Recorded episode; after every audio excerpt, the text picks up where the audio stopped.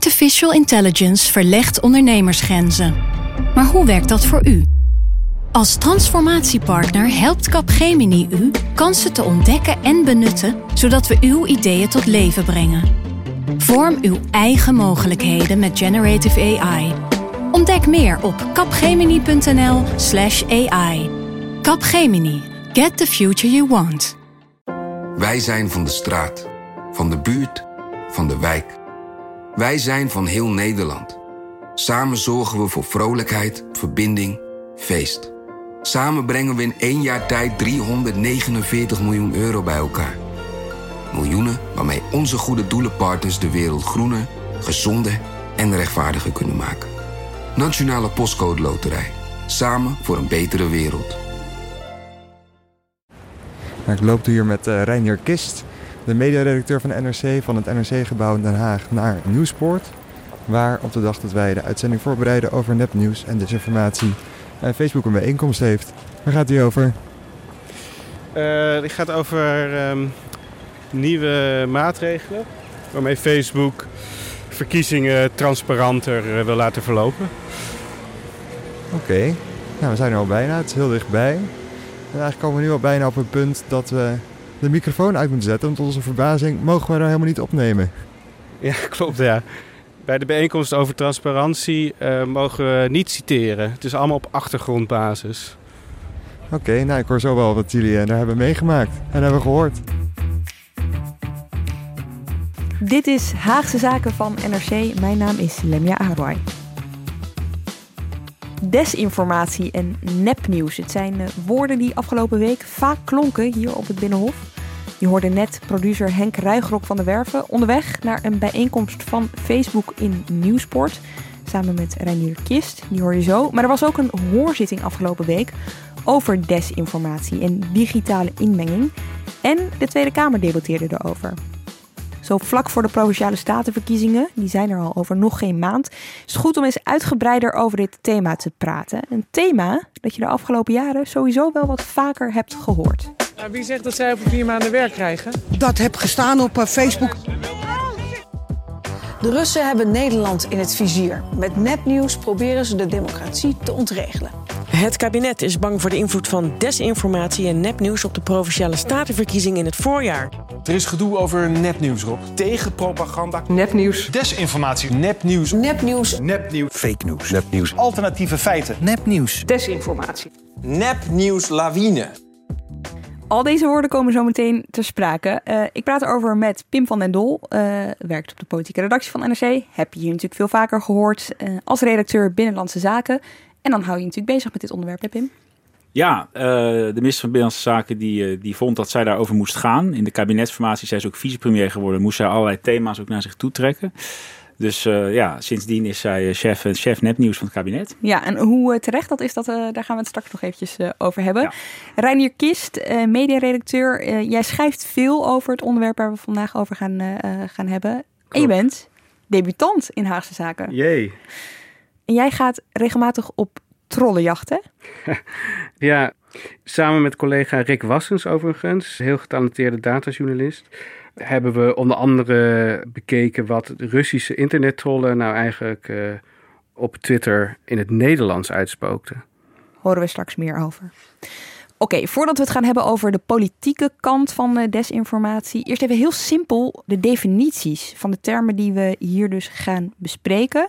Reinier, ik zie bij jou een stapel papier liggen. Je hebt voorbeelden meegenomen. Ik heb me goed voorbereid. Heel goed, daar zijn we altijd heel blij mee. Laten we beginnen met de vraag: wat is desinformatie?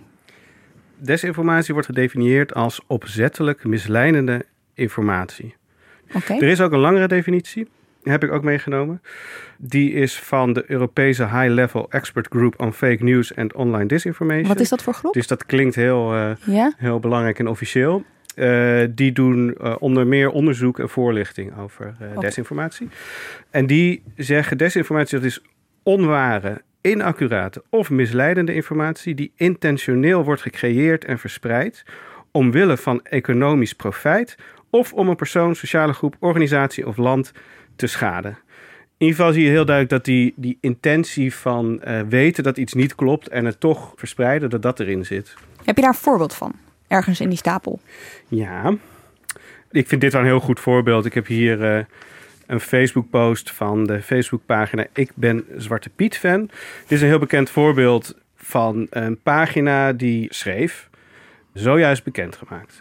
De 34 verdachten van de blokkade van de A7 bij Jouren krijgen 18 maanden gevangenisstraf, waarvan 6 maanden voorwaardelijk. En dat linkt dan naar een nieuwsartikel van die site. Uh, op dat moment was er helemaal geen uh, gevangenisstraf bekendgemaakt van die uh, blokkeervriezen. Uh, dit bericht is ontzettend veel verspreid, heeft heel veel likes en reacties opgeleverd en heeft dus ook een dag lang online gestaan voordat Facebook het eraf haalde. Maar was dus totaal verzonnen? Is, is totaal verzonnen. Het is een heel goed voorbeeld van intentioneel echte onzin verspreiden. Wat, wat zich voordoet als nieuws. Het lijkt op nieuws. Ja, precies. Want even voor de duidelijkheid. Eigenlijk valt nepnieuws onder disinformatie. Ja. Ze worden vaak naast elkaar gebruikt. Deed ik net zelf ook. Maar het valt dus onder elkaar. Ja, dus onder die definitie van desinformatie zou je bijvoorbeeld ook satire of parodie uh, kunnen plaatsen. Dat valt er ook onder. Ja, maar dat is natuurlijk minder schadelijk, zolang je in ieder geval weet dat het uh, satire is. Ja, maar als we het hebben over desinformatie, dan hebben we het eigenlijk ook over nepnieuws. Dat is de, dat is de conclusie. Ja. Oké, dan is een andere term misinformatie. Mm Ja, dat is dus het onopzettelijk verspreiden van onjuiste informatie. En dat is, daar zou je gewoon eigenlijk slechte journalistiek onder kunnen vatten. En daarom vind ik het ook belangrijk om die definities goed te hebben, dat we weten waar we het over hebben, weet je wel. Dus er wordt ook wel eens gezegd als een journalist een fout maakt, uh, dat is nepnieuws. Maar dat, dat heeft dan niet die intentie in zich die, die, die uh, onder die noemer van desinformatie valt. Want zoiets kan wel heel snel, heel makkelijk gebeuren, weet je uit ervaring, hè, Pim? Ja, ik heb nog zelf een aardige anekdote van toen ik net begonnen was als internetredacteur. toen uh, hadden wij nog de policy om, uh, om nieuws heel snel te brengen. Uh, wat gebeurde er nu? Ik had avonddienst. Er kwam een tweet van het Chinese staatspersbureau. Toen moesten er natuurlijk eigenlijk al alarmbellen gaan rinkelen bij mij. Maar ik was nog een beetje naïef en jong dat er 100 doden waren bij een treinongeluk in Congo. Dus ik dacht, jeetje, grote ramp. Ik heel snel een bericht tikken, twee alinea's online, later meer. Stond er dan onder? Stond er ook echt onder. Maar wat gebeurde er vervolgens? Uh, het bleef bij die tweet van die, van die Chinese persbureau. En uh, ik op hun website kon ik ook alleen die ene regel vinden. En er kwam maar niet meer informatie. Dus ik begon steeds meer te knijpen. Ik dacht van shit, wat, wat krijgen we nou? Uh, je had toen ook zo'n zo'n breaking news twitteraar die alles zelf ging checken. En die, uh, die was er ook mee bezig gegaan, zag ik. En die kwam op een gegeven moment dus uh, met de mededeling van... ja, ik heb even het uh, Rode Kruis gebeld in Congo... maar die weten van niks, joh. Er heeft helemaal geen treinongeluk plaatsgevonden. Dus in mijn totale onervarenheid als jonge internetredacteur had, had ik hier een, ja, een, een, een onzinbericht uh, op nrc.nl gezet. Uh, ja, te, ik was er gewoon, gewoon ja, te snel natuurlijk geweest, ingetrapt. Maar ehm, het is nog nooit meer opgehelderd waar, dit, waar dit vandaan kwam. We hebben het over 2011 overigens, ja. hè? dus ja. het is al best een tijd geleden. Ja. En het mooie is, het leverde uiteindelijk, paradoxaal gezien, een, genoeg een, een goed nieuwsbericht op. Want ik heb teruggevonden. Het staat nog ergens Dit, dit is vrij gênant, ja rectificatie, dubbele punt.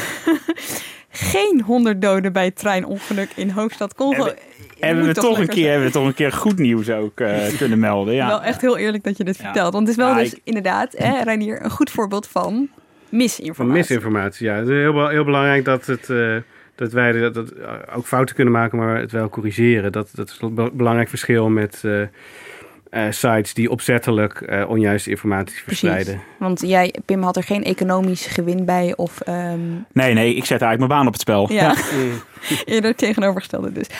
Oké, okay. dit speelt nu ook in Nederland, Pim. Hè? En het is ook politiek gaan spelen. Wanneer, wanneer begon het? Wanneer begon dit in, op het Binnenhof? Nou, dat was eigenlijk uh, vlak na het aantreden van dit kabinet. Uh, minister uh, Ollongren, die waarschuwde toen zij de begroting Binnenlandse Zaken moest verdedigen op die dag. in een interview in de Telegraaf opeens, een beetje uit het niets voor het grote gevaar dat zou uitgaan hè, van Russisch nepnieuws, Russische manipulatie in Nederland. En ze zei onder andere dat de verkiezingen gevaar liepen. Minister Ollongren waarschuwt voor nepnieuws uit Rusland. In een brief aan de Tweede Kamer schrijft ze dat de Russen proberen de democratie te ontregelen. Ja, en kon ze daar ook voorbeelden bij noemen?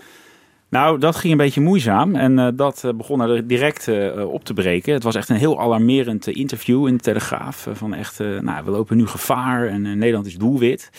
Maar uh, ze wist eigenlijk uh, ook in een Kamerbrief die ze toen stuurde maar één echt voorbeeld zelf aan te halen. Dat ging dan om een nep-website over de MH17. En die site, dat leek net alsof dat een, een site was van, uh, van de Nederlandse overheid. Een website, die leek sprekend op een echte website van de Nederlandse overheid. Maar het was een nep-website.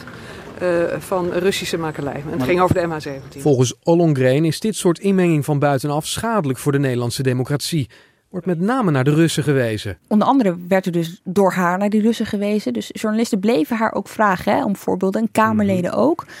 Een nepnieuwslawine zou er op ons afkomen. Ja, zo, uh, precies. Daar, die, die indruk wekte ze heel erg. En ze kwam niet verder dan, dan één voorbeeld. En toen werd ze uitgedaagd uh, dat ze dus nog, een, uh, nou ja, nog, nog, veer, nog meer voorbeelden moest, moest geven. en toen kwam ze uiteindelijk aanzetten met een vrij oud voorbeeld uit het Oekraïne-referendum. Dear Dutchman, Don't you dare going against Ukraine. It will end very bad for you. We will bring chaos not only in your brains, but in your very homes. You will see to regret this. We will find you everywhere. We have our guys in the Netherlands, and they are ready to obey any order. Слава Україні! Героям слава! Слава нації! Смерть ворогам! Oekraïne! Ik zou denken, dit zijn echt Oekraïners, maar dat bleek dus niet zo te zijn. Nee, precies. Hier, hier uh, leken we te horen dat Oekraïners uh, echt dreigen met uh, aanslagen tegen Nederlanders. vanwege hun steun zeg maar, aan de opstand in Oekraïne daar. Maar goed, dat was een voorbeeld wat eigenlijk al bekend was. En uh, toen dat tijdens het Oekraïne-referendum naar boven kwam, wist eigenlijk iedereen meteen, ja, dit is uh, nep. Of heel snel was dat wel bekend. Dus, ja. uh, Best te gekker dat Ollong, Ollongren dit nou, steeds gebruikte als hun ja. voorbeeld. Ja, maar... Nou, volgens mij noemden ze ook wel rapporten van de IVD, jaarverslagen, ja. waarin de IVD wel echt waarschuwde. Het gebeurt hier ook. Alleen kon ze dat, aangezien dat dan vertrouwelijke informatie is, nee. kon, kon, ze daar verder niets over zeggen. Klopt inderdaad hoor. De IVD had in datzelfde jaar in het jaarverslag wel gewaarschuwd voor mogelijke Russische inmenging. En uh, nou ja, ze zei er ook steeds bij, ter verdediging van ik wil hè, dat we niet naïef zijn, ik wil hiervoor waarschuwen. Dat het misschien hier nog niet op grote schaal plaatsvindt, maar dat het wel in Nederland ook uh, voor kan komen of kan gaan komen. Ja, en overigens was ze toen pas een maand minister. Hè? Dus ze, even politiek bezien, ze profileerde zich heel ja. erg op dit onderwerp. Ze probeerde echt haar onderwerp te maken. Zeker, dit was eigenlijk het eerste waarmee ze groot in het nieuws kwam. Maar is dit ook een onderwerp van de minister van Binnenlandse Zaken? Nou, um, uh, zij gaat natuurlijk wel uh, over de geheime diensten. Hè, en daar heeft dit ook wel mee te maken. Dus in zoverre past het wel uh, bij haar. Maar het is eigenlijk een onderwerp dat heel veel ministeries raakt. Dus bijvoorbeeld ook is veel discussie over mediawijsheid, lessen in het onderwijs. Nou, daar gaat ze dan zelf weer niet over. Of als je het strafrechtelijk wil aanpakken, dan gaat weer het ministerie van Justitie mm -hmm. daarover. Maar uh, nou ja, goed, Olongren wilde graag een paar stevige onderwerpen waarop ze zich kon profileren. Dus dit was politiek ook uh, wel handig voor haar, dacht ze. Ja, precies. Stond er hier ook iets over in het regeerakkoord? Ik bedoel, was dit al een politiek onderwerp voordat zij het maakte? Nou, er stond uh, niet letterlijk iets over in het regeerakkoord. wat wel in het regeerakkoord stond, was dat het kabinet sowieso bijna 100 miljoen wilde investeren zeg maar, in digitale veiligheid. Mm -hmm. Maar dat was dan vooral geld bedoeld voor de inlichtingendiensten. Eh, die dan ook moesten gaan onderzoeken ja, hoe groot die Russische inmenging eh, was. Ja. Maar ze heeft er daarna echt zelf eh, ja, een ja. groot punt van gemaakt. Want overigens, de context, de politieke context, en dan is het eigenlijk meer geopolitiek, hè, waarin ze die uitspraken deed, was natuurlijk hè, de Brexit, uh, Trump was verkozen. Dat moet allemaal wel mee hebben gespeeld. Neem ja, nou, in, in het buitenland waren natuurlijk op dat moment al wel een aantal voorbeelden van grootschalige hè, manipulatie van verkiezingen of ja, invloed van des, desinformatie. de VS ja. natuurlijk als beste, beste voorbeeld. Maar het Brexit-referendum is ook uh, zwaar getroffen, geloof ik. Ja. Vergeet ik nu nog dingen? Dat, dat is de reden waarom we het er nu überhaupt over hebben. Hè? Dat zijn echt de Amerikaanse verkiezingen van 2016. Toen ineens bleek dat Russen zich uh, ja, uh, maskeerden als, uh, als Amerikaanse burgers. En op grote schaal groepen in Amerika tegen elkaar opzetten. En eigenlijk voornamelijk ook opriepen om te gaan stemmen op Trump. Ze hebben demonstraties georganiseerd in Amerika. Zelfs een, een beroemd voorbeeld is een uh, demonstratie van tegenstanders van een islamitisch centrum. Ik weet niet meer precies in welke stad het is. En voorstanders. Beide groepen zijn opgeroepen door Facebookpagina's die werden gerund vanuit Sint-Petersburg. En daar stonden dus best wel veel mensen, uh, Amerikanen, zo ongeveer met knuppels tegenover elkaar, uh, bereid om te gaan knokken. Ehm, en dat is dus allemaal op touw gezet vanuit Rusland. Dat deden ze gewoon. Dus dit zijn best wel schokkende voorbeelden van, van inmenging. Ja, met andere woorden, dat speelde toen er tijd ook. Hè, toen zij die, die uitspraken deed. Dus eh, in de rest van de wereld zag je die inmenging heel duidelijk. Ik wil het even hebben over de Nederlandse situatie. Want we hoorden net wel een paar kleine voorbeeldjes. Maar hoe omvangrijk is dat probleem nou precies in Nederland? Reinier. Volgens mij, je, je moet het niet, zeker niet overdrijven, maar ook weer niet bagatelliseren. Mhm we, hebben, we hebben er onderzoek naar gedaan. Het was ook een soort, voor ons een soort uitnodiging van Ollengren om, om eens te gaan zoeken of we Nederlandse voorbeelden konden vinden. Mhm. Twitter heeft een lijst met bekende Russische internettrollen geopenbaard. Die werd aangestuurd vanuit dat Internet Research Agency, een trollenfabriek in Rusland met financiële banden, eigenlijk gewoon aangestuurd uh, door het Kremlin. Uh, die bleken, bleek uit ons onderzoek dan uh, ook wat uh, Nederlandse tweets hebben verzonden. en dat waren er 900, als ik het goed zeg. En eh, dat ging heel erg over. Uh, ja, ze probeerden heel erg de, de islamhaat hier aan te wakkeren. En dat is natuurlijk niet veel, maar wij zeiden toen ook in het stuk van ja, maar we zien niet alles. Mhm. Inmiddels is er wel iets meer, uh, zijn er meer van die tweets bekend. de teller staat nu op, op iets van 4000 Nederlandse tweets. Maar dan moet je ook weer bij opmerken dat de taalherkenning van Twitter niet altijd even goed is. En dat maakt het zoeken ook weer lastiger. Maar goed, het, het, het is er dus wel. Uh, Waar, eh, je zegt uh, rechts, profi wat, rechts profiteert daar dan vooral van? Ja, in, in dit geval was dat wel heel duidelijk. Ja, kijk, er is een bekende hoe, zeg je dat? Uh, uh, wat er altijd wordt gezegd over die Russische uh, desinformatiecampagnes in het Westen, is dat ze groepen tegen elkaar proberen uit te spelen. Dus ze zoeken een punt waarop uh, wij elkaar bij wijze van spreken, waarover wij elkaar in de haren vliegen. Ja, precies. Dat vertelde ook Anne Applebaum mij. Ik interviewde haar voor de krant een tijdje terug. Zij is uh, historicus, columnist voor de Washington Post, maar ze is ook uh, professor aan de London School of Economics. En daar leidt ze een programma, Arena heet dat, en dat gaat volledig over desinformatie en propaganda in de 21ste eeuw. En zij legde mij toen uit hoe die strategie precies werkt. En die tactiek verschilt dus ook echt per land. His way to achieve that is by supporting anti-European people and parties. He doesn't invent them. I didn't say he's invented Gert Wilders, you know, but he will support him in every way that he can online, you know, in, in other ways too. Um, and this is something that he does, he rather, the Kremlin does um, in every single European country. Yeah. And it's a little bit different. So, you know, in you know, they, in Greece they have ties to the far right and the far left. Um, in Poland they have ties to the far right, that in the sort of anti-Ukrainian. They push an anti-Ukrainian line in Poland. In you know, in in Britain they supported Scottish independence. So you know, it's a kind of there's a different there's you know the tactics are different for each country, but mm-hmm. that's the point. So the so the support for Wilders is really part of a bigger push to make make the far right win and to you know and to therefore undermine the European Union as an institution. Ja, en als ze zegt hier, dan bedoelt ze dus Poetin en het Kremlin. Dit zie je dus, hè? Dit, zie, dit zagen jullie ook terug in jullie eigen onderzoek. Het waren vooral dat soort partijen die gesteund werden. Ja, absoluut. Met, en ik vind het punt van Applebaum ook wel goed. Wat ze maakt is dat ehm, het gaat om, om de EU uit elkaar spelen. Samen als EU staan we sterk tegenover Rusland, maar uit elkaar gespeeld uh, als, als enkele landen.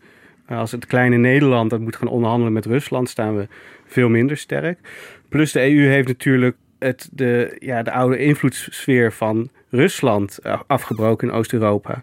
En, en dat, uh, dat is nog steeds iets waar Poetin ja, probeert die, hij probeert die invloed terug te krijgen. Dat is de onderliggende strategie eigenlijk. Wat Applebaum overigens ook vertelde over uh, die uh, strategie van de Russen, uh, ook heel interessant. Dat gaat over het creëren van duizend waarheden en dat als strategie. You know, what happened after the MH17 accident? You know, it wasn't just that they put out messaging saying, you know, we didn't do it.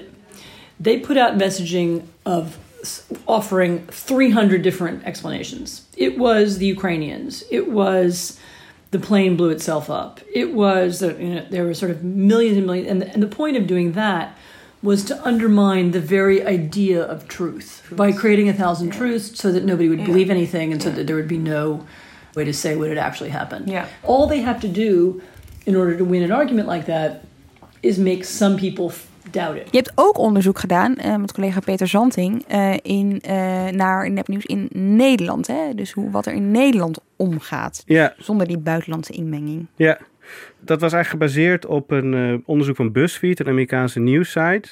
Die eigenlijk die term nepnieuws hier heeft gelanceerd.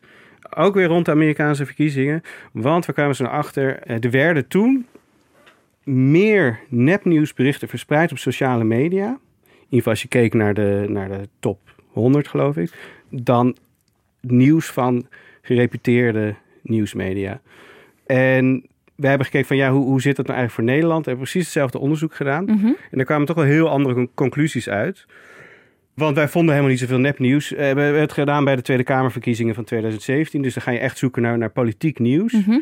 En uh, ja, er was, er was heel veel onzin op sociale media. Er werd heel veel onzin gedeeld. Onzinberichten van obscure websites. Maar het is moeilijk om het echt nep te noemen. Het valt niet binnen die definitie dat het van, van begin af aan volledig verzonnen is. Um, dus het heeft er vaak een aanleiding, een echte aanleiding. Heel hoog stond volgens mij een vuurpijl die op een kerk was beland en zou zijn afgeschoten door moslims. ja, in Duitsland. Dat stond heel hoog, dat verhaal. En wat was er gebeurd? De hele kerk was afgebrand. Nou, uh, dat die vuurpijl is afgeschoten en het waren inderdaad, nou ja, in ieder geval mensen met een niet-westerse achtergrond, die, die, die daar gewoon, uh, met, het was volgens mij met oud en nieuw, een, uh, een feestje hadden. Maar die pijl die is meteen geblust. En de, ik bedoel, er was nog niet eens een krasje op de, op de hele kerk ja. terechtgekomen. Dus dat was wel echt een voorbeeld van dat wat, wat gewoon heel erg ja, raakt aan nepnieuws. Ja. Maar je ziet dat het heel vaak toch wel een echte aanleiding heeft en dat het dan totaal uit zijn verband wordt gerukt uh, om uh, kliks te genereren. En... Maar dan is het dus echt alleen om geld te verdienen. Ja, nou ja, dat zou kunnen. Ik weet niet altijd wat de intenties zijn van die Mhm. sites, maar er zijn Mhm. absoluut heel veel sites in Nederland die weten wat werkt op sociale media, waar mensen boos van worden, dus waar ze lekker op gaan reageren en wat dan veel wordt rondgepompt door het Ja. algoritme van Facebook. En daarop aansturen. En helaas zijn dat eh, berichten over immigratie en eh, de islam. En we kijken, een van, een van de websites waar jullie tegenaan liepen was 94news.nl. Ja. Ik, heb hem even geopend om de laatste nieuwtjes van die website, die overigens vrij en onafhankelijk nieuws als tagline heeft. Mhm. Kijken. Victor Orban loopt niet zoals de rest schaapachtige slaafs achter het Europees project aan. Is dit de toekomst? Is een van de koppen. Hm. Veel te lang.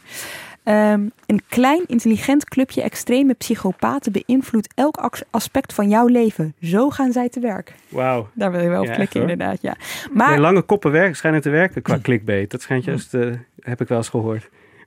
Oké, nou ja, dit, eh, dit zijn er een paar. Maar wat me wel opvalt is, afgelopen week op eh, woensdag was dat, eh, precies een maand voor de verkiezingen overigens, was er dus een hoorzitting, hè, Pim, in de Tweede Kamer. Dat ging over desinformatie en digitale inmenging.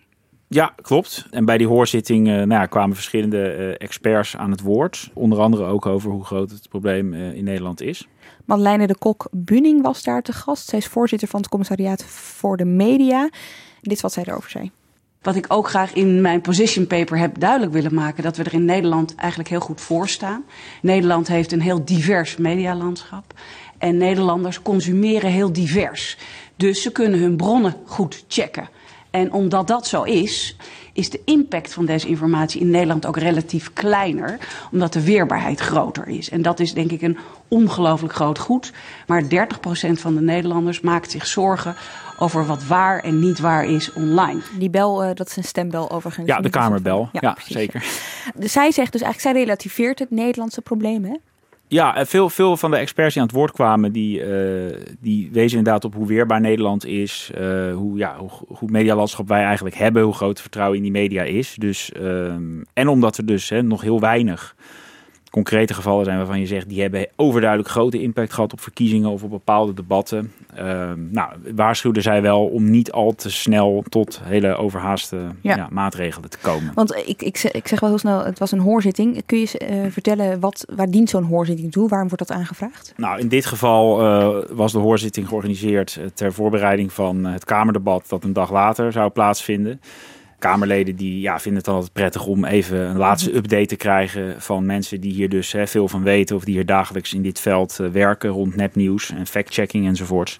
Dus nou ja, dan praten ze de Kamer even bij. Ja. Dus hier was Facebook bij, hier was Google bij, waar ja, het waren inderdaad experts, deskundigen en ook vertegenwoordigers van de grote techbedrijven, Facebook, Google.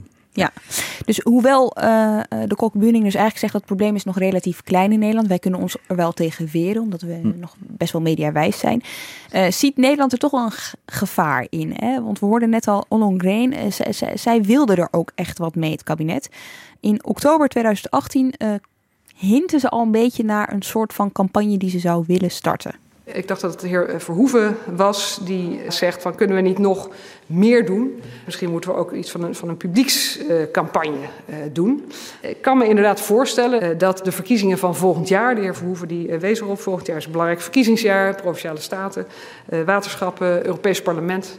Dat zijn wel momenten waar je natuurlijk nog extra goed uh, wilt opletten. Dus ik zou me kunnen voorstellen dat dat het aangrijpingspunt zou kunnen zijn van een, uh, een informatiecampagne.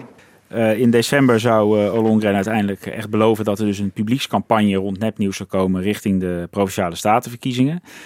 Iets waar verschillende partijen uit de coalitie al, al heel lang om hadden, hadden gevraagd.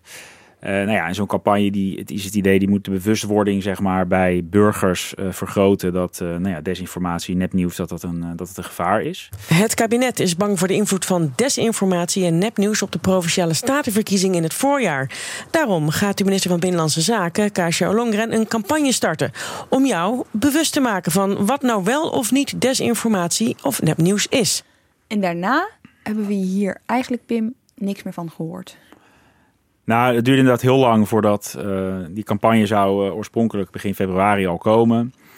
Alleen, uh, nou, het ministerie had eh, blijkbaar eh, veel tijd nodig. Eh, en uiteindelijk bleek dat die pas 11 maart gaat beginnen. Dus dat is een week, een week voor de Provinciale Statenverkiezingen. Oké, dus 11 maart begint de campagne. Ja, maar ik heb wel begrepen dat hij, hij loopt wel door tot en met de Europese verkiezingen. Dus wat dat betreft ja, kan die nog wel enig effect misschien hebben. Maar het is vooral heel interessant, en dat weten we nog niet, wat ja, de, de inhoud en de boodschap van die campagne gaat worden.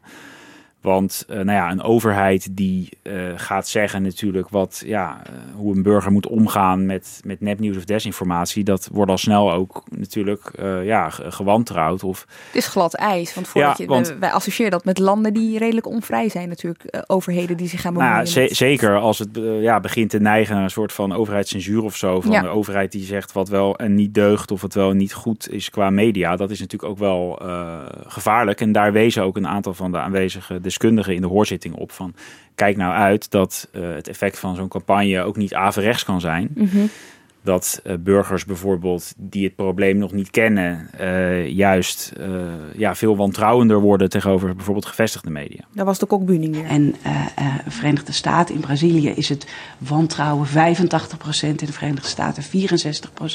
Daar zie je meer kwetsbaarheid. En daar zie je ook dat mensen sowieso media niet meer vertrouwen. Dus het zal allemaal wel fake news zijn. We moeten niet nu het kind met het badwater gaan weggooien door allerlei campagnes te starten die zorgen vergroten over, uh, over de betrouwbaarheid van alle media. Want over het algemeen hebben we heel veel behoorlijk goede professionele media in dit land. Ik snap het punt eigenlijk niet zo. Ik heb juist het idee dat, dat als, als mensen bewust worden van uh, nepnieuws op, op uh, sociale media, dat dat goed is voor het vertrouwen in traditionele media die wel met journalistieke middelen de waarheid proberen te achterhalen. Dus ik zie niet zo heel erg waarom dat het wantrouwen zou uh, vergroten. Nou ja, ik bedoel, we weten dus niet precies wat de boodschap inhoud van die campagne wordt. Maar uh, zij, ja, die experts waarschuwen er bijvoorbeeld voor van als de overheid zegt zeggen, joh, geloof niet alles wat je leest. En je projecteert dat bijvoorbeeld breed op de media. Dan kan ik me wel voorstellen ja, dat dat juist het vertrouwen in media aantast. Maar ik denk dat die campagne wel wat specifieker zal zijn en echt zal zeggen van hè, als je op social media zit en je leest een bericht, ja kijk dan uit, want... Nu, ik vraag me ik, echt af hoe ze dit gaan formuleren. Ja, ik ben ook ja, niet. Want ze zitten heel op glad ijs. Het afgelopen donderdag zei Ollengren ook heel duidelijk bij het Kamerdebat hierover... dat ze geen voorbeelden in die campagne waar hebben van nepnieuws. Want dan zou de overheid zich met de inhoud gaan bemoeien. Dus wat wordt die campagne? Dat, wat, heel algemeen, dat heel kunnen we algemeen, ja. denk ik. Ik, ik ben echt heel benieuwd Ik weet ook niet echt of, of het gaat werken. Nee, er was nog één ander punt dat, uh, dat die deskundigen gemaakt. Die zeiden van ja, heel veel burgers kennen het, bijvoorbeeld het begrip desinformatie. Kennen burgers, ja. veel burgers nog niet. Die moeten dan en die hebben daar een, ja, ook een negatieve uh, connotatie uh, dan mee. En die, die gaan, worden dan misschien weer hè, wantrouwender als ze bekend worden met dat begrip. Nou ja, dus het is allemaal haken en ogen. Wat er ook gebeurde op die hoorzitting is, uh, Peter Burger was daar aan het woord. Hij is universitair docent in Leiden, doet al sinds de jaren negentig onderzoek naar uh, de onderwerpen waar we het vandaag over hebben. En um, hij zei iets heel interessants aan al die aanwezige politie, namelijk kijk ook vooral naar jezelf. Uh, in de eerste plaats, overheid, begin bij jezelf. dus denk behalve aan beleid gericht op anderen, eerst aan beleid om de eigen openheid en transparantie te vergroten. Bijvoorbeeld door een versterking van de wet openbaarheid van bestuur door informatie achter te houden versterkt de overheid het wantrouwen. Door het open te delen kan ze juist het vertrouwen versterken. In dezelfde geest wil ik ook politici uitdagen om zichzelf te committeren aan de waarheid. Bijvoorbeeld door apert onjuiste berichten op sociale media niet te laten staan of stilzwijgend te verwijderen, maar uh, die te rectificeren. Uh, die oproep die geldt natuurlijk de PVV-politici die ik regelmatig daarop aanspreek op Twitter, maar in feite iedereen. Ja, politici die zich met de waarheid bezig moeten houden. Hij, hij, hij verwijst wel eventjes naar uh, Reinier, maar deze man, uh, Peter Burger, is echt heel druk op Twitter daarmee, hè? Ja, hij is een van de mannen achter de Nieuwscheckers, een uh, fact-check-initiatief van de Universiteit Leiden. ze zijn inderdaad heel actief en het, het aardige is ook dat hij inderdaad politici op Twitter aanspreekt op het verspreiden van misleidende of onware informatie. Mm -hmm. Het zijn overigens wel heel erg vaak PVV-politici, moet ik erbij zeggen, die hij uh, betrapt op het verspreiden van nepnieuws.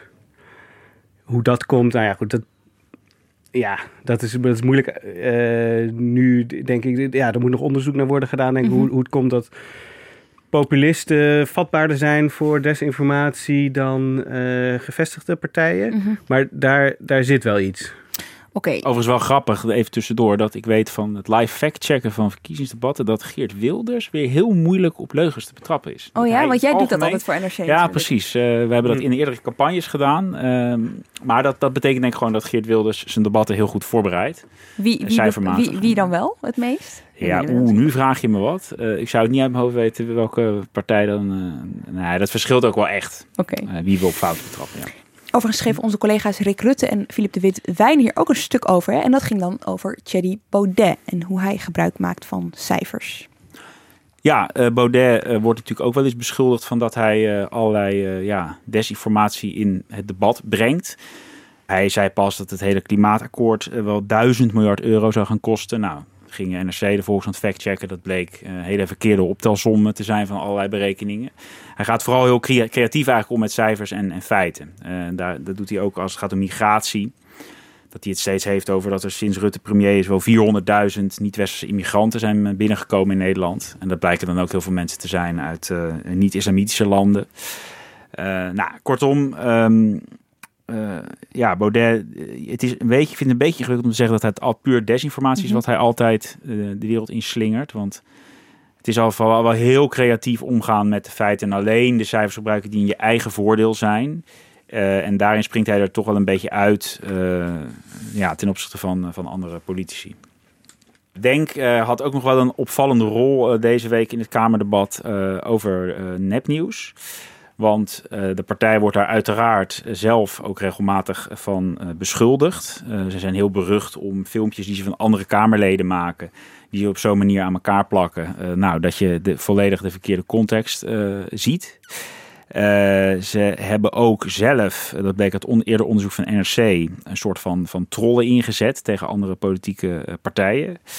Maar ze pleiten er nu de, deze week in het debat voor dat er een, een fonds moest komen voor de slachtoffers van nepnieuws. Uh, en ik vermoed dat ze daarmee ook op zichzelf doelen. Want uh, Denk was ook, weet ik, eerder heel erg boos over een publicatie van NRC.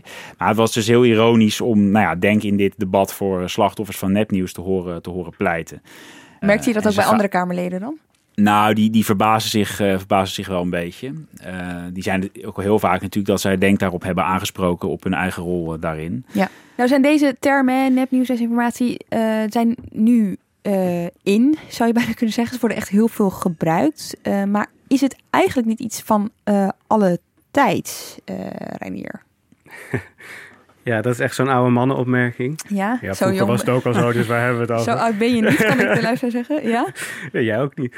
Nee, uh, dat, ja, dat hoor je wel eens. En dat is ook zo. Ik, ik vind het gewoon een heel mooi voorbeeld zelfs, zelf dat de founding fathers van Amerika actief verhalen in, huh? de, in de Amerikaanse pers uh, destijds in de kranten verspreiden. Ja, John Adams, die ging dan even aan zijn bureau zitten en dat schrijft hij ook in zijn dagboek. Um, dat hij, dat even wat, wat verhalen ging bedenken en dat die de krant inkwamen. Bijvoorbeeld over dat er uh, de Britse koning tienduizenden uh, soldaten op het punt stond om tienduizenden soldaten naar Amerika te sturen om, uh, om Amerikanen over de klink te jagen. Dat is een van de redenen dat, de, dat Amerika on, onafhankelijk is geworden. Dat komt door nepnieuws. Hm. Dus het is absoluut waar dat het, dat het vroeger ook bestond. Ja. Maar hè, dus die Declaration of Independence waar... Ik, ik, ken daar trouwens een stukje van uit mijn hoofd. Uh, Hè, doe eens. jullie dat horen? Ja? We hold, we hold these truths to be self-evident that all men are created equal. That they are endowed by their creator with certain unalienable rights. And that among these are life, liberty and the pursuit of happiness. Nee, is toch niet een blaadje? gewoon niet op een, uit blaadje, van een blaadje voor te lezen. Dus uh, check Ik vind het hierbij. echt heel bijzonder. En Ja. eh, wacht, ja, dit is wel, dat is wel gecheckt, maar iets, Ja. gaan we ook nog eh, factchecken of alles wat hij zegt ook waar is. Eh, alles, ja. ehm, Ik, ik durf eh, de stelling aan dat dit eh, 100% waar is. Die mogen me... Ja. Oké. Nee, maar goed. Dus, dus eh, ja, het is, het is van alle tijden. Ehm, dat wil niet zeggen dat de, de manier van verspreiden nu heel anders is geworden. En ehm, de algoritmes van ehm, sociale mediabedrijven als Facebook en Twitter, die belonen eh, viraliteit. Die, be- die belonen eh, berichten, die polariseren. En die presente- presenteren een bericht van de New York Times precies hetzelfde als een bericht van een nepnieuws website uit Macedonië. Dus wat je krijgt is dat die clickbait, die dus, waar dus vaak nepnieuws in zit, ehm, het vaak nog beter doet dan het, eh, het echte nieuws. Omdat het gewoon veel spannender is. Er zijn ook allemaal onderzoeken naar gedaan. Mensen verspreiden nepnieuws sneller en vaker dan echt nieuws. Ja, en dat is natuurlijk het grote verschil. Hè? De massa waarin het verspreid kan worden. Ja, en de snelheid. En de rol van techbedrijven, want dat stip je nu aan. eh, die hebben een hele grote rol hierin. We hoorden jou, Reinier, aan het begin al richting Nieuwsport lopen. Pim, jij was ook mee voor die bijeenkomst van Facebook. Daar gaan we het zo over- over hebben. Maar eerst even, ik stel de vraag, je hebt hem al deels beantwoord. Maar waarom zijn die techbedrijven zo belangrijk als je het hebt over nepnieuws en desinformatie? Ze, ze zijn centraal eh, in, in, in, deze, in deze discussie. Zonder de, de invloed van sociale media hadden we deze discussie, denk ik niet. We zijn ook eigenlijk si- sinds eh, die eh, onafhankelijkheid, onafhankelijkheidsverklaring in, in Amerika. is de journalistiek veel serieuzer geworden. En je ziet dus eigenlijk een beetje dat de, de oude media ook wel geschrokken is nu van het feit dat, dat er van links en rechts op internet ineens allemaal niet gecheckte onzin wordt verspreid. En dat zijn we natuurlijk niet gewend, wij, wij als, als oude media. Mhm. Ehm, en dat, dat wordt dus gefaciliteerd door die, door die platforms. En die, die hebben inderdaad een enorm bereik. Eh, Facebook heeft 2,2 miljard eh, maandelijkse gebruikers. En ja, wat ook wel heel belangrijk is om hierbij op te merken is... inderdaad, wij in Nederland zijn nog best wel mediawijs... en, en hebben nog best wel veel vertrouwen in, in de media. Mhm. Wat je vooral ziet in landen waar Facebook echt binnen een jaar zeg maar, het hele internet heeft overgenomen. eh, en waar er geen eh, traditie bestaat van eh, onafhankelijke pers. Dat de gevolgen van nepnieuws en propaganda ook echt veel ernstiger zijn. Dus als je kijkt naar Burma bijvoorbeeld. daar heeft Facebook, wat daar zeg maar het, het internet is. Iedereen zit op Facebook. Een hele kwalijke rol gespeeld in het verspreiden van angst en haat richting de, de Rohingya-minderheid. en die zijn het land uitgejaagd. Dus het is echt een beetje. Het is gewoon genocide wat daar natuurlijk gebeurt. En Ja. dat is Ja. deels... Nou ja, dus, Kun je dat eh, zo zeggen dan? Dat dat daar echt invloed op heeft gehad? Nou, ze, eh, Zeker. Facebook gaf dat zelf ook toe Ja. hoor, in die briefing. En, eh, maar zij zeiden ook, ja, ze hadden daar gewoon te maken met, met generaals, zeg maar, die nep-accounts maakten op Facebook en eh, gewoon dingen zaten te verspreiden. Ja, daar kunnen ze dus heel moeilijk, zeg maar, tegen optreden, zeggen ze zelf ook, omdat ze hè, die landen ook nog niet zo goed kennen, vaak Ja. de taal niet perfect beheersen. Daar En weinig weet, je wat het pijnlijke is? Mag Nou? ik er iets over Ja. zeggen? Ze zijn gewaarschuwd door allerlei eh mensenrechtenorganisaties in Burma. Die zijn naar, naar het Facebook hoofdkantoor gegaan om te zeggen... weten jullie wel waar jullie platform voor wordt misbruikt? En er was niet eens een kantoor in Birma, weet je, terwijl, terwijl ze daar het hele internet zijn. Er, was, was misschien één of twee Facebook-moderatoren die dus een beetje moeten opletten op wat er gebeurt op het platform, die, die taal spraken. Dus hoe, hoe kan je dan zo'n enorme bevolking en zo'n zo, enorme informatiestroom gaan, uh, ja, gaan controleren?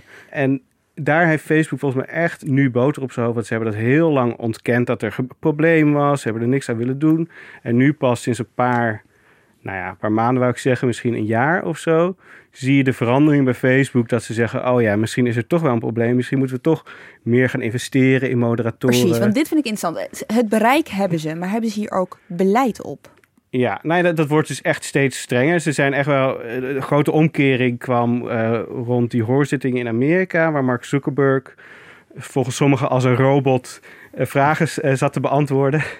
maar, maar toen zei hij eigenlijk van het, het spijt me en we, we hebben onze verantwoordelijkheid niet serieus genoeg genomen. We didn't take a broad enough view of our responsibility, and that was a big mistake. And it was my mistake, and I'm sorry. I started Facebook, I run it, and I'm responsible for what happens here. Oké, dat geldt ook voor bijvoorbeeld een bedrijf als Google. Hè? Om hier eh, die uh, discussie over wel of niet vaccineren speelt hier zo af en toe uh, op hè? In, uh, in golven. En het valt mij op als je googelt op vaccineren, gewoon die term, mm-hmm. dan staat Stichting Vaccinvrij meteen helemaal bovenaan. En niet met een ingekochte advertentie of iets, maar gewoon als site. Ja, um, dat zijn ook wel heel lastige vragen. Want op een gegeven moment kan je ook zeggen van ja, uh, een organisatie die mensen informeert. Ik, uh, ga, ik als, als Google ingrijpen in, in, in uh, wat, wat zij zeggen? Dus ik snap ook wel dat dat soms moeilijk kan zijn, maar dit is zeker een, een probleem. Er zijn er heel veel, uh, daar is ook onderzoek naar gedaan hoe die, die anti-vax-beweging op sociale media heel groot is geworden. En, en uh, dat heeft heel kwalijke gevolgen. Ja. Uh, bij Google trouwens zelf, ik, ik zocht, en dan moet je niet zelf gaan zoeken, want dan weet Google iets over jouw IP-adres en, en jouw achtergrond, maar dan moet je in, in incognito mode zoeken. Uh, als je op Joden zoekt, en dan kom je gewoon uh, heel erg snel bij de tweede of de derde resultaat. Um, kom je op, op um, antisemitische websites. Ja. En er, er werd ook uh, aangeraden door Google: wil je zoeken naar Joodse karaktertrekken? Ja. Weet je wel? Ja. Alleen als je Joods intypt. Dus, dus zo ver gaat het al. Dus die dat- algoritmes spelen daar een rol in. ja. Oké. Dit zegt Facebook er overigens zelf over tijdens die hoorzitting waar jullie bij waren. Edo eh, Haverman, dat is een soort van woordvoerder slash lobbyist voor Facebook. En eh, laten we naar hem luisteren. Facebook heeft impact op de democratie. En veel daarvan is in mijn ogen positief. Zo zijn er meer dan 900.000 verbindingen tussen actieve Facebook-gebruikers in Nederland en pagina's van Nederlandse Kamerleden en hun partijen. Natuurlijk, sociale media en de interactie die het mogelijk maakt, creëert ook nieuwe uitdagingen. We hebben daar als Facebook zaken gemist en onze diensten werden misbruikt. We nemen de volledige verantwoordelijkheid voor wat we daar niet goed hebben gedaan. Maar gelukkig is er veel veranderd sindsdien. We hebben volop investeringen gedaan en flinke aanpassingen doorgevoerd. Het aantal mensen dat werkt aan veiligheid en beveiliging is de afgelopen twee jaar verdrievoudigd van 10.000 naar 30.000. We hebben grote stappen gezet in pagina- en advertentietransparantie. We hebben teams ingesteld die zogenaamd Coordinated Inauthentic Behavior vinden en kunnen neerhalen. Met andere woorden, ze vinden zelf dat ze echt een heleboel hebben gedaan. En ik moet zeggen, als je als leek luistert naar zo'n lijstje, dan klinkt het ook als best veel. Jullie zijn daarna nog geweest naar een bijeenkomst voor alleen journalisten. Nou ja, daar hoorden jullie net over. Eh, daar mocht u niks eh, citeren of eh, opnemen, maar je kunt dus wel navertellen, toch? Wat er is gebeurd daar. Ik geloof dat dat wel mag. Ja. Pim, Zeker, ja, Pim wat, wat hebben jullie daar gehoord? Eh, nou goed, daar hebben ze dus uitgelegd ja, wat voor maatregelen ze zelf nu al nemen om eh, die desinformatie eh, te bestrijden. Dus dat kan dan gaan om een aantal zaken, zoals het verwijderen van echte nep-accounts. Dat doen ze, proberen ze echt te doen. Dus dan heb je het echt over nep, nep-sites, die, waarvan aantoonbaar nou ja, is dat er alleen maar onzin op, op, op verschijnt. Eh, maar ook het meer transparant maken van ehm, eh, de afzenders van, van politieke advertenties. Maar vertellen zij ook over hun dilemma? Ik bedoel, Ja, ja, ja. wat hierboven hangt is natuurlijk... Moet, eh, moet Facebook overwegingen gaan maken die normaal... Nou, precies.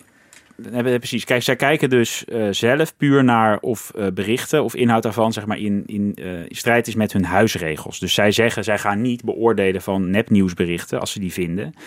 Zij zeggen, wij willen geen scheidsrechter van de waarheid zijn. Dus wij willen niet gaan zeggen, dit is nepnieuws, dus we gaan het nu deleten. Dat doen ze dus ook niet. Dus ze laten die berichten dan wel minder vaak zien. Dus ze passen daar zeg maar, het algoritme op aan.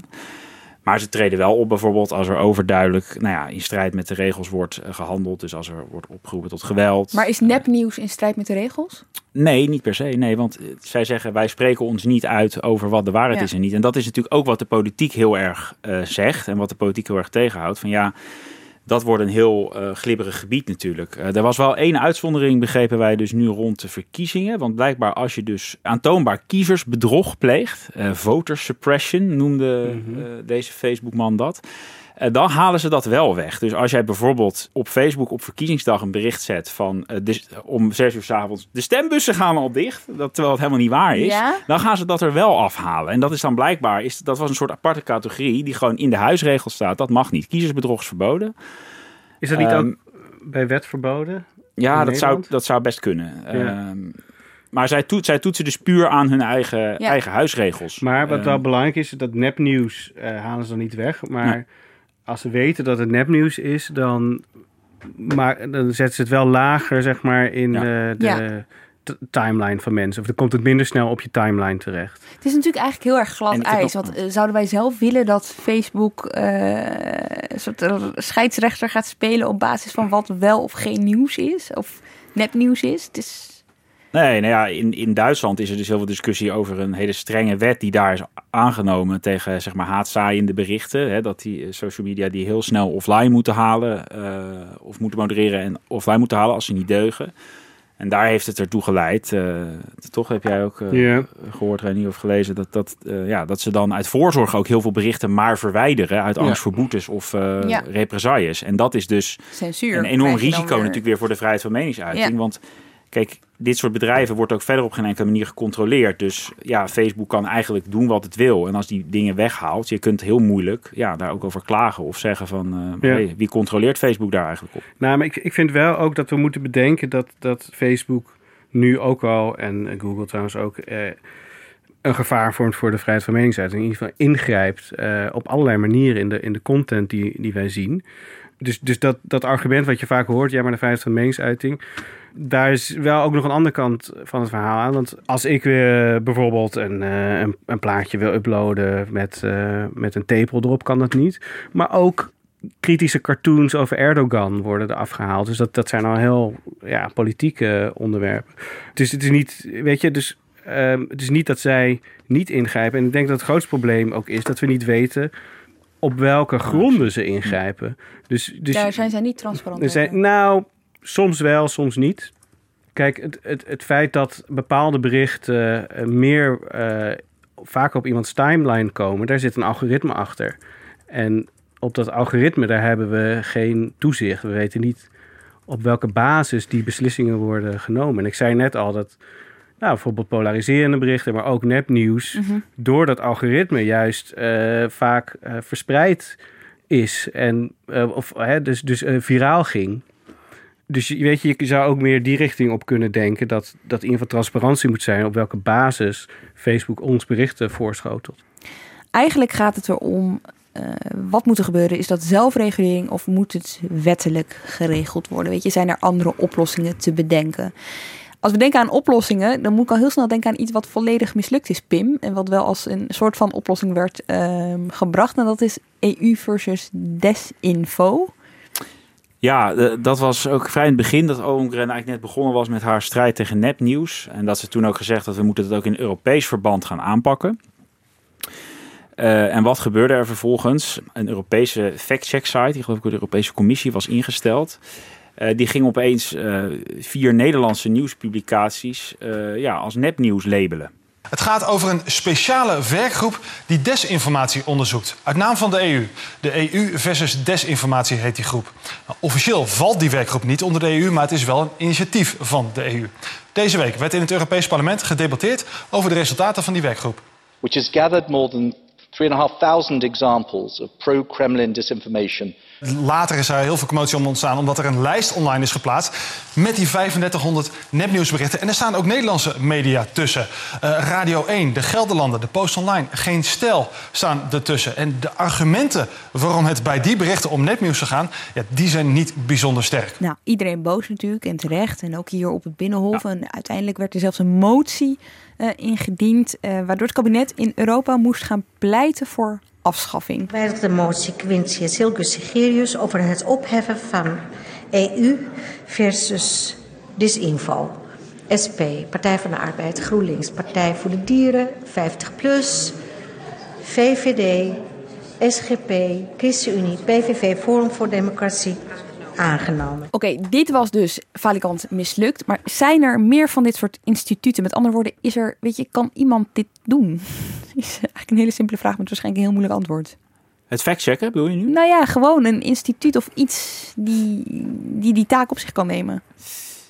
Nou, dat is dus heel omstreden. Dus het idee dat, ja, uh, dat vanuit een, een of ander onderzoeksinstituut of vanuit de overheid factcheckers ja, moeten gaan bepalen wat, wat nepnieuws is en wat niet. En dan vervolgens bij eventueel berichten moeten gaan verwijderen. Nee, dat is eigenlijk wat, wat bijna niemand wil. Dat, dat, daarvan wordt echt gezegd dat is aan de journalistiek zelf. Hè? Dus uh, Oké, okay, maar ondertussen, dat doen. ondertussen ja. zien we in Duitsland die wet redelijk uh, mislukken. Hè? Uh, mm -hmm. Hier heeft de Tweede Kamer het er afgelopen week dus over gehad. Werd er al gedacht in de trant van oplossingen? Werd er gedacht aan wetten, aan iets wat ja. wel gedaan kon worden? Nou, nee, zeker. Kijk, wat de Nederlandse Tweede Kamer dus nu heel erg sterk overweegt, veel sterker dan voorheen, is om, waar het net vooral die techbedrijven, om die echt aan strengere wettelijke regels te gaan binden. Dus om van hen echt bepaalde dingen te gaan eisen. Dus dan gaat het over inzicht geven in die, in die werking van die algoritmes, uh, transparant maken uh, waar politieke advertenties vandaan komen, wie daarachter zitten, wie daarvoor betaalt, uh, of, je daar, wie, of je getarget wordt als Facebook-gebruiker door een bepaalde politieke partij. Um, die techbedrijven hebben zeg maar, beloofd dat ze dat zelf allemaal voor een deel of gedeelte gaan oppakken en gaan verbeteren. Maar uh, politieke partijen in Nederland vinden nu van ja, we moeten ze niet op hun blauwe ogen geloven. Het duurt misschien allemaal veel te lang. Uh, we moeten ze echt regels gaan opleggen en een onafhankelijke toezichthouder uh, ja, hun laten controleren en dan misschien wel ook boetes uitdelen. Dat is nu een beetje de richting die het Nederlandse debat opgaat. En dat is wel nieuw. Ja. Ik heb het idee dat dat Britse rapport van het La Britse Lagerhuis daar wel echt als katalysator heeft gewerkt. Het werd in ieder geval vaak genoemd. uh, donderdag bij, Afgelopen bij maandag is dat verschenen. In, uh, ja, ja, en dat werd dan donderdag vaak genoemd. Uh, als voorbeeld, bijna met het idee: kijk, de Britten kunnen het wel. Terecht? Waarom? waarom Terecht? Het is een heel goed rapport, Mhm. omdat het heel veelomvattend is. Het gaat ook over mededinging, auteursrecht, uh, privacy, uh, marktmacht. Nou ja, uh, het, het, is echt. Uh, dus, dus het is een heel goed overzicht van, van de discussie. als je het hebt over big tech en hun uh, invloed op de samenleving. Maar waar dat een beetje naartoe gaat. Een van de onderdelen in ieder geval. is toch weer zo'n Duitse wet. dat je als Facebook niet snel genoeg nepnieuws. of haatberichten. of iets ongewenst offline haalt. Dat ze, dat ze een boete krijgen. En wat je dan dus echt wel krijgt, is dat die uh, platforms bij voorbaat al heel veel gaan, uh, gaan weghalen. Ja. Maar die, de, de, partijen in de Kamer zijn ook heel bang voor censuur. Hè? Dus dat is de kant die de meesten echt niet op willen. Ja. Dus um, ja, ja, het zou dan inderdaad niet de inhoud van journalistieke berichten beoordelen. Dat willen partijen niet. Maar wel echt kunnen optreden als er dus duidelijk, uh, nou ja, desinformatie met het doel uh, om, om de Russische propaganda verder te laten gaan in Nederland. Ja, daar, en, en, daar echt actiever tegen ja, kunnen optreden. En eigenlijk ook gewoon uh, verkiezingen veilig maken. Hoe zeg je dat? Beschermen. Want um, waar er nu al heel veel over wordt gesproken, is dan politieke advertenties. Um, hoe zeg je dat, reguleren eigenlijk. Dus, dus de identiteit van degene die ja. zo'n advertentie plaatst moet bekend zijn. De locatie moet bekend zijn. En de PvdA wil ook een, uh, een wetsvoorstel indienen. Waarin staat dat je niet uh, tijdens verkiezingen niet vanuit het buitenland een politieke advertentie mag plaatsen op internet. Wat best wel ver gaat. Maar eigenlijk heeft Facebook die regels nu zelf ook al. Is, is die aan het invoeren. Ja. En dan kom je weer een beetje op het punt van... oh, misschien nee, kunnen ze het eigenlijk wel zelf. Is zelfregulering wel ja. de oplossing? Het ging een beetje om van, uh, moeten we nou wachten op die zelfregulering, daar vertrouwen, of moeten we ook wetgeving maken die die zelfregulering concreet, misschien helpt bevorderen? Kwam daar dan concreet iets uit? Kwam daar een nou, de minister Ollongren uh, is huiverig voor om dus te snel met wetgeving te komen, dus die hield dat nog wel een beetje af. Uh, die, heeft, uh, die is altijd heel goed in het beloven van meer onderzoek en dat soort dingen. Zeggen, want komt er een onderzoek ze heeft dus wat ze al ja. had beloofd, is dat er tijdens deze verkiezingen en de Europese verkiezingen wordt onderzocht in hoeverre digi, uh, ja, desinformatie via social media, zeg maar, de, onze verkiezingen nu dit jaar beïnvloedt. Dus nou, dat gaat gebeuren. Dat, is dat onderzoek is nu in gang gezet. En ze heeft dan weer beloofd, het voor de zomer komen daar de resultaten ook van naar de, naar de Tweede Kamer. Uh, en dan weten we weer wat meer over hoe groot het probleem in Nederland nou echt is.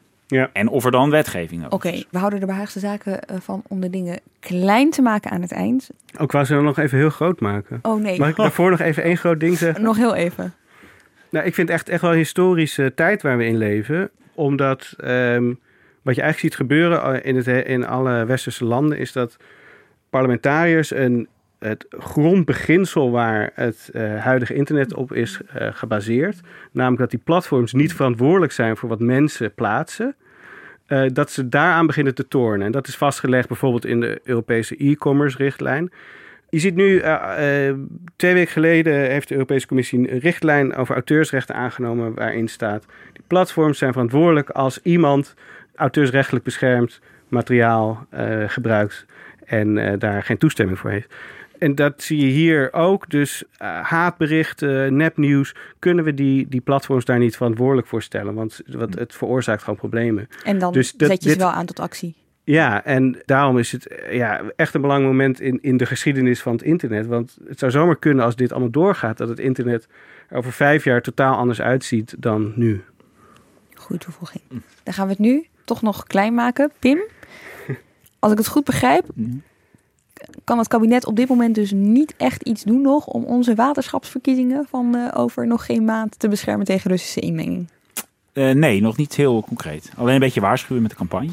Ja. Nou, met die geruststellende boodschap eindigen we deze aflevering van Haagse Zaken. Dank jullie wel, Reinier Kist en Pim van den Dol. Ook veel dank aan onze producer Henk Ruigrok van Werven. Je hoorde hem al eventjes aan het begin. En natuurlijk dank voor het luisteren. Volgende week dan zijn we er niet in verband met het reces. Maar 9 maart staan we weer in je podcastfeed. Dus abonneer je even, dan mis je ons sowieso niet. Fijne vakantie mocht je weggaan en tot over twee weken.